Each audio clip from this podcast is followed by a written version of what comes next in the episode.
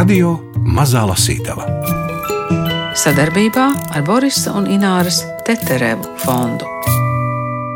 Šis romāns ir veltīts visiem, kas izgāja cauri slimnīcas parku pie Bekomberijas laikā no 1932. līdz 95. gadam. Tā lasāms grāmatas mīlestības gravitācija nobeigumā. Sāras Strīnsbergas romāna valoda ir caurspīdīga, tā saka tulkotāja no zviedru valodas Daci Deniņa.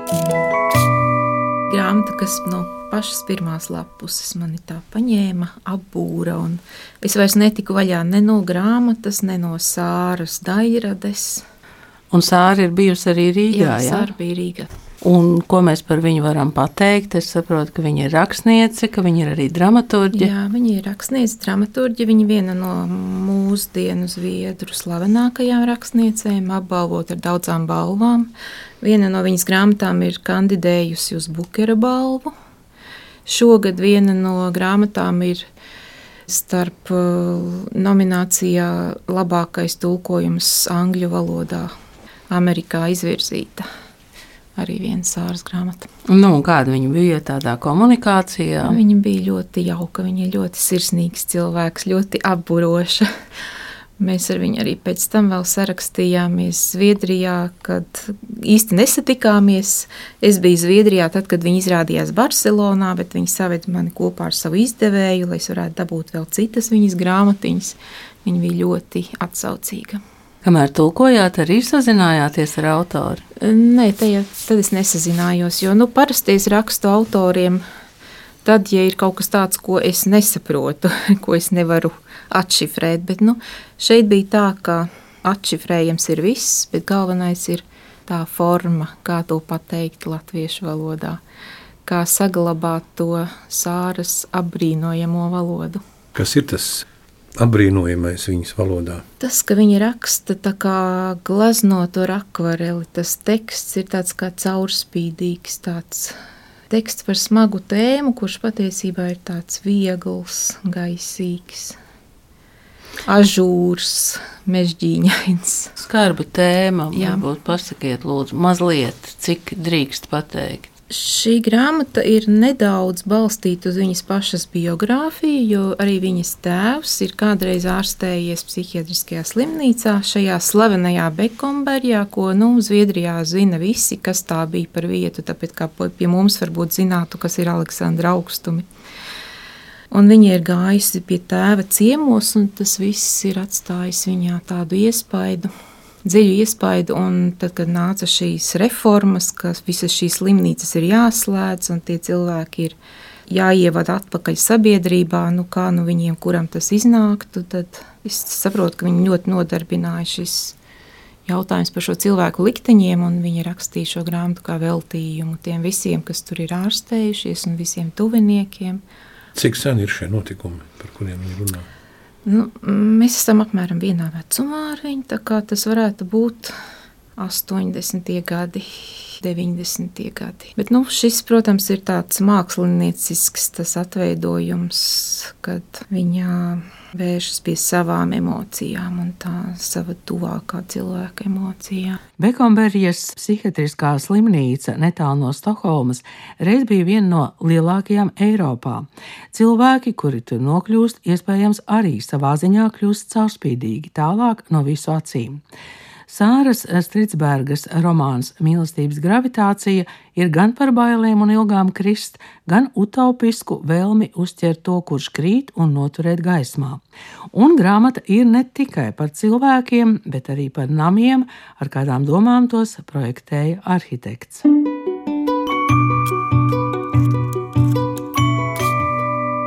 Šaura, balūža pelēka ceļa strēmele ar retām automašīnām tāvad garām Bromas baznīcai un ēku pudurim tai blakus. Mazs veikaliņš un skola. Pēc tam ir tikai kaili lauki un mežs. Liepu aleja ved uz slimnīcas galvenajām ēkām, kas ieskauj noslēgtu taisnu stūra pagalmu. Pulksteņa māja, jeb administrācija, ir šīs vietas sirds. Tai blakus atrodas divi milzīgi slimnīcas spārni. Lielā vīru māja vīriešiem, un lielā sievu sievietēm. bet pa vidu iepratī ir virtuves māja. Slimnīcu apņem skaists parks, ap parku stiepjas vairākus metrus augsta sēta. Lai piekļūtu ēkām, ir jāpaiet garām dienvidu vai ziemeļu sarganamiņam. Stipri apcirpti pīlāģi, rožu krūmi un jauni kociņi no zemeslodes otras puses, sarganamiņi, mūri, strikta simetrija. Izkaisītas ainavās lejas izolātora ēkas, un tad nāk darbinieku mājokļi. Divos lielākajos paviljonos pietiek vietas vairāk nekā 400 pacientiem, dažām vienvietīgajām palātām un novērošanas palātām ar 8 līdz 10 gultām katrā. Šo būvi, kas reiz kļūs par vienu no Eiropas lielākajām psihiatriskajām slimnīcām, rada arhitekts Karls Vestmans. Uz viņa lielā rasējumā dēļ medicīnas pārvaldē izaug skices mazai pilsētiņai ārpus galvaspilsētas, kurā jāatrodas visam, kas vajadzīgs savādam cilvēkam. Apslāpēti vakara saules stari krīt pāri smalkajām zīmuļu līnijām, kas lēnām pārvēršas vairākās sapņu celtnēs. Vestmans ir nolēmis, ka Bekombērijas fasādē jābūt rūsgani sarkanai, nespodris sarkanā niansē, kas izskatās kā sarecējušas asinis vai vāra saulrieta gaisma, un jābūt novietotai tā, lai to vienmēr apspīdētu saule. 1927. gada vasaras sākumā pilsēta no tabakas magnāta Knuta Ljunglēva ir nopirkusi Bekomberijas teritoriju Mazajā Engbī un 1929. gada pavasarī uz rietumiem no Stokholmas sākas būvdarbi. Šajā apkaimē lielākoties ir mežs un kailcirtis, bet netālu atrodas mazais baznīcas ezers un jūdarna ezers ar saviem brūnajiem nekustīgajiem ūdeņiem. 1931. gada vasarā no zemes sāks lieties Bekomberijas skelets. Savā medicīnas pārvaldē pavadītajā laikā Kārlis Vestmans uzskicēs un uzbūvēs trīs psihiatriskās slimnīcas - Svētās Marijas slimnīcu Helsingborjā, Bekomberju Stokholmā un Ūmedāles slimnīca Ūmeo. Ja neņem vērā jūru, kas alaži sitas pret pludmalēm pavisam netālu no Svētās Marijas, skaļās bungas, sāls smaržu un mūžīgos jūras putnus, slimnīcas līdzināsies cita citai. Pāris ēku gar izstieptu pagalmu, gluži kā kazarmās. Glūdas un diskrēti krāsotas fasādes ar stāviem slīpiem jumtiem, logos ir iebūvētas restes, taču Vestmans ir līdzis tām izskatīties dabiski, gluži kā arhitektūras daļai, un paiet kāds brīdis, iekams vērotājs pamana tās no ārpuses. Arhitektoniskie ideāli ir taupība, stingrība, atturība un vienkāršība. Šai arhitektūrai nav paredzēts modināt neīstenojamas cerības. Tā ir reizē neizteiksmīga un monumentāla, grandioza un melanholiska. Iekšpusē stiepjas plati gaiteņi, kas paveras pret guļamzālēm un atpūtas telpām, lai atvieglotu uzraudzību. Telpa pēc telpas zirņu ceļā krāsā, un skats no daudzajiem logiem ir vienāds no visiem leņķiem. Ēka pretī gandrīz aizsedz debesis, atstājot tikai mazu strēmelīti ar putniem, gaismu un kazārmu pagalmu lejā vieta bez ēnām un paslēptuvēm, it ir nekas neizsprūk no ēku daudzajām acīm. Es prātoju, ka pacientiem un apmeklētājiem milzīgās ēkas droši vien šķita nomācošas, pirms tur paguva izaugt koki un krūmi. Fragmentus no Sāras Stritsbergas romāna Mīlestības gravitācija lasa Gunārs Aboliņš, stāsta tulkotāja Dace Deniņa. Vai jūs arī meklējāt, varbūt internetā, kā tur izskatās? Jā, protams, es sameklēju, kā Bekomēri izskatījās tās skices, kā tas arī, ja? arhitekts bija skicējis, jā, pulksteņu māju ar visu turnīti, to visu es sameklēju, un tas man stāvēja priekšā. Mhm. Jūs pati esat tur bijusi? Tieši tur nē, tur nē. Bet tā vieta tagad ir likvidēta. Tur vairs nav psihiatriskās Nē, slimnīcas. tur tagad ir pārbūvēts. Tā kā es saprotu, ka tur ir dzīvokļu kompleksi, nu kā jau visur. Tu vari lasīt tālāk, lai saprastu, kas tur notiek. Jo faktiski jau grāmatā Turpināt vai ar, uz priekšu paiesim? Paiesim uz priekšu, jā. Jo grāmata jau faktiski sākas ar tādu nu, fatālu notikumu pēdējais pacients. Ja, bet, nu, mēs varam lasīt pagaidām nezinot, kā tas beigsies. Caur bērnu virzīti soļo bariņš vecu sieviešu. Izskatās, ka viņas ir apmaldījušās. Šad un tad apstājas un paraugās augšu uz koku galotnēm. Viena no sievietēm sapurina kādu bērziņu, un mirkli viņas stāv zelta lietū. Kāpēc tev vienmēr galvā ir tā cepura, kad mēs esam šeit? Vai tev tā nepatīk? Patīk, bet tad neredz tavu skaisto seju. Cepuri aizēno manu seju un acis, ar to galvā es jūtos pasargāta. Es dabūju to no vīra, kurš mēdz jautāt, vai es gribu karameles, kad ieeju viņas macīgajā veikaliņā, kur allaž valda pustums. Veikaliņā, Drotinga gātanā, kur laiks šķiet apstājies un vecām mantām, ko viņš pārdod, nav nekādas saistības ar pasauli ārpusē. Veikalā reti iemaldās pircēji, un ja kāds arī ienāk, viņš ātri izsteidzas atkal ārā, sajūtot veikalnieka nevēlēšanos šķirties no spalvām, cepurēm un izbāztajiem dzīvniekiem. Man patīk staigāt tur apkārt starp lapsām un putniem, ar stingrajiem dzintara skatieniem un milzīgajiem porcelāna dalmāciešiem. Reizēm veikalnieks man atļauj izvēlēties kaut ko no kolekcijas. Ko tu īsti meklē, mazo putniņu? Visbiežāk es skaļi atsakos, taču nespēju pretoties šai cepurei, lai gan tā ir kožu sēsta un oža pēc nelaimes. Vecie vīri ar savām kūpošajām cigaretēm stāv saulē un gaida neko. Pazemīgi savā situācijā viņi pētoši raugās augšup uz mākoņiem un lidmašīnām, kas lido zemu pār slimnīcu. Viņi reti par kaut ko žēlojas, nekad neprotestē pret slimnīcas noteikumiem, nedz arī pret to, ka pēc kāda pārkāpuma ar Edvarda vai Ingeras Fogeles lēmumu viņus aizved prom. Sākumā es nospriežu, ka viņi runā par visu, it kā viņiem vairs nebūtu nekāda noslēpuma, taču pēc kāda brīža atklāju, ka viņi vienmēr stāsta vienus un tos pašus stāstus, divas vai trīs anekdotes, ko mūžīgi atkārto. Galvenais iemesls tam, ka daudzi no viņiem te atrodas, ir alkohols. Dažkārt arī amfetamīns vai morfīns. Nostalģiju te nevar atļauties neviens, tāpēc viņi nekad neilgojas pēc kāda, kas pazudis, tūlīt aizmirst tos, kas izrakstīti un pametuši slimnīcu, jo tie atgādina viņiem par dzīvi, kas jau zaudēta. Vecīši no lielās vīru reti sagaida apciemojumus. Lielākā daļa ir pavadījuši te jau tik ilgu laiku, kā ārā droši vien vairs nav neviena, kas viņus atcerētos. Reizēm kāda sieviete, nu, draudzene vai māte, apciemo jaunākos vīriešus un vienmēr atnes šokolādes kūkas un avīzes. Dažām līdzi ir rokdarbi, ap ko viņas knibinās ciemošanās laikā. Kāda meitene stāv durvīs un skatās uz mums, tā ir meitene no kapeles. Tagad ģērbusies vienā no slimnīcas halātiem, bet stilbi zem tā ir kaili. Zem halāta pazība mežģīņu naktskrekls un spoži zila pērļu kaklerota. Pašā apakšā vīd lielas, brūnas vīriešu čības. Vēlāk es viņu pazīšu jau pēc šļūkāšanas, Sabīnas īpašās šļūkāšanas. Kad es paceļu acis, viņa mūs vēro ar kaut ko līdzīgu smaidam.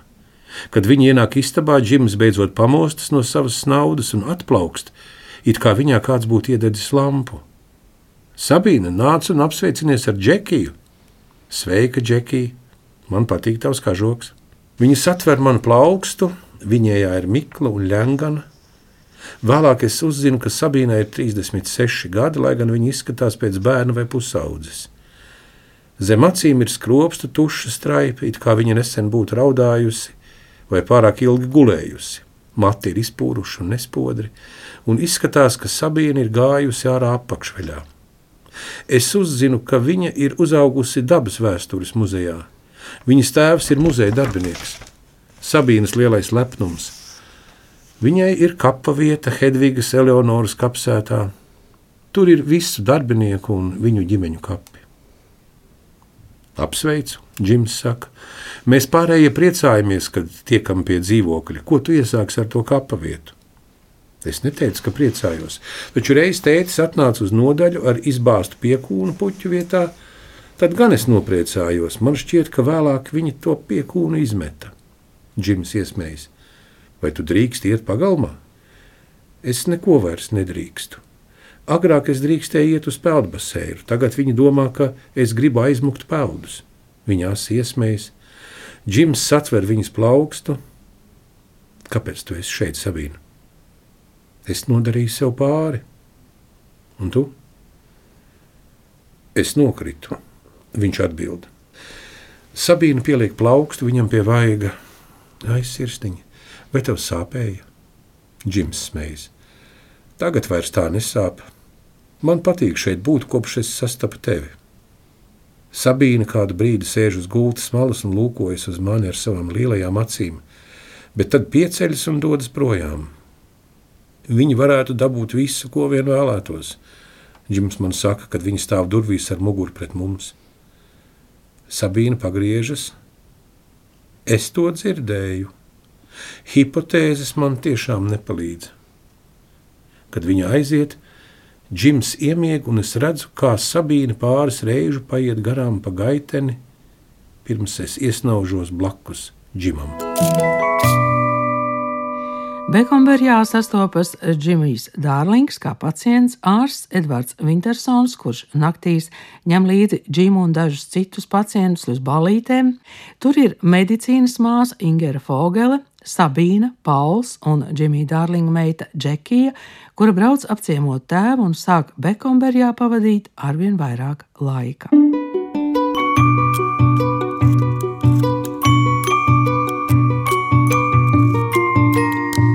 Radio Mazā Lasītava.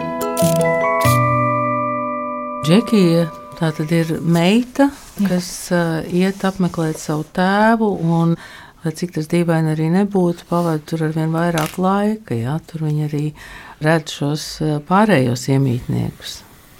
Jā, un tas stāstā ienāk daudzi, gan iemītnieki, gan darbinieki.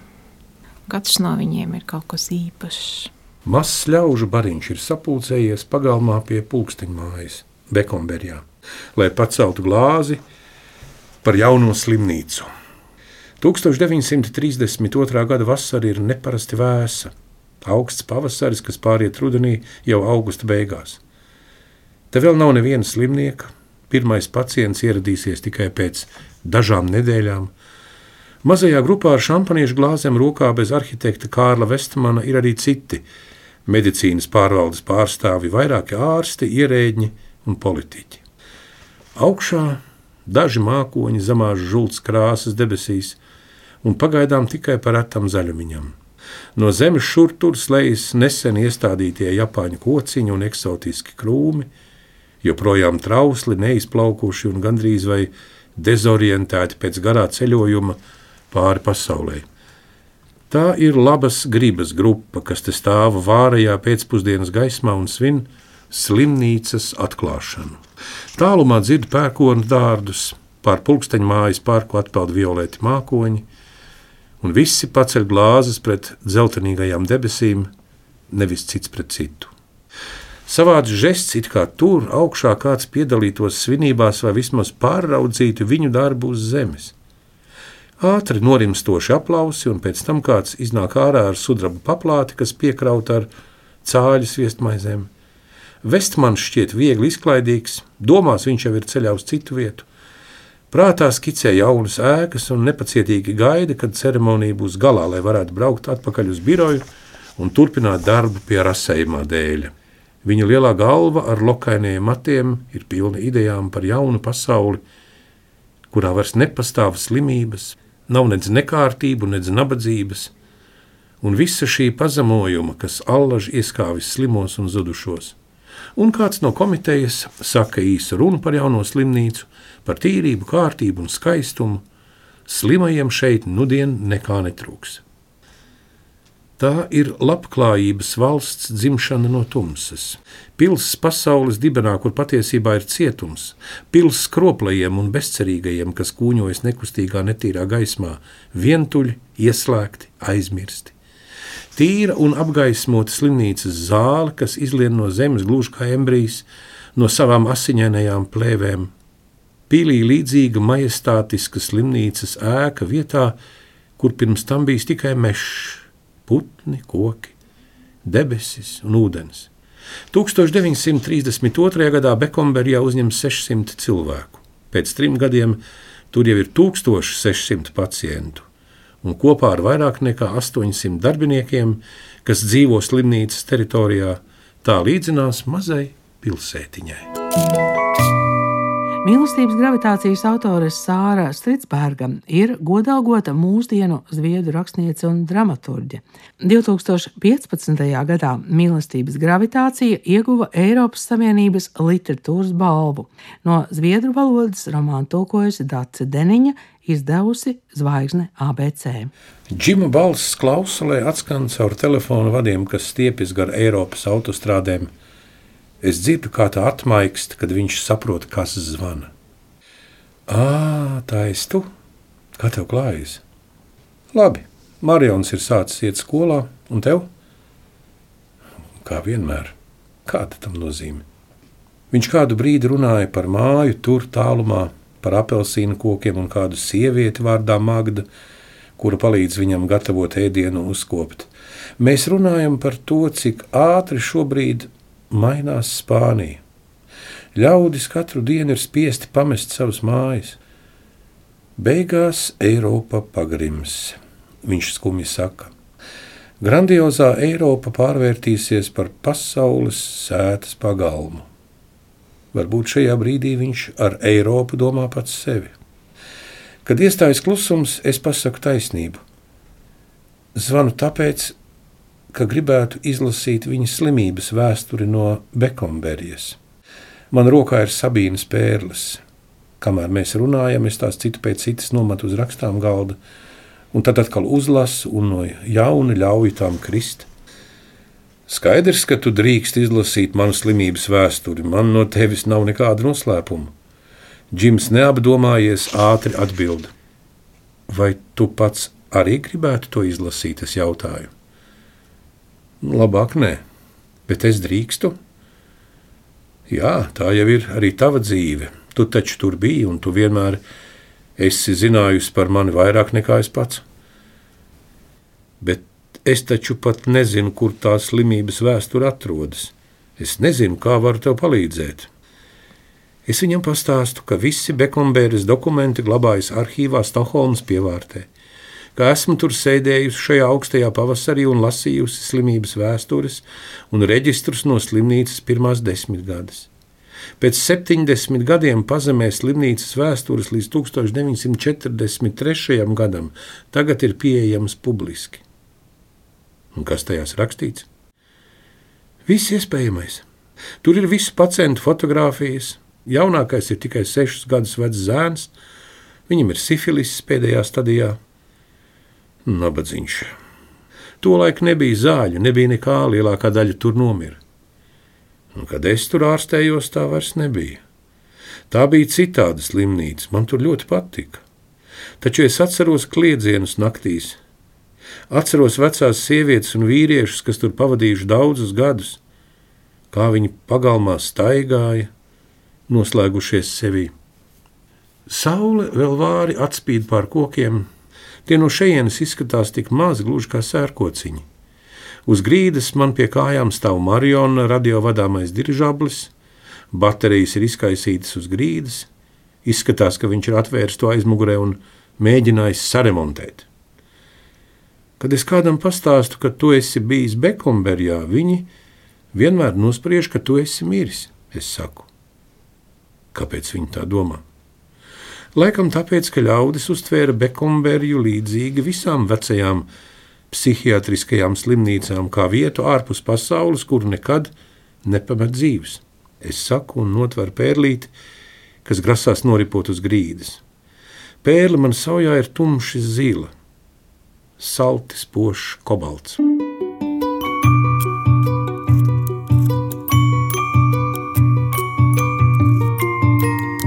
Radio Mazā Lasītava. Sadarbībā ar Borisa un Ināras Teterevu fondu.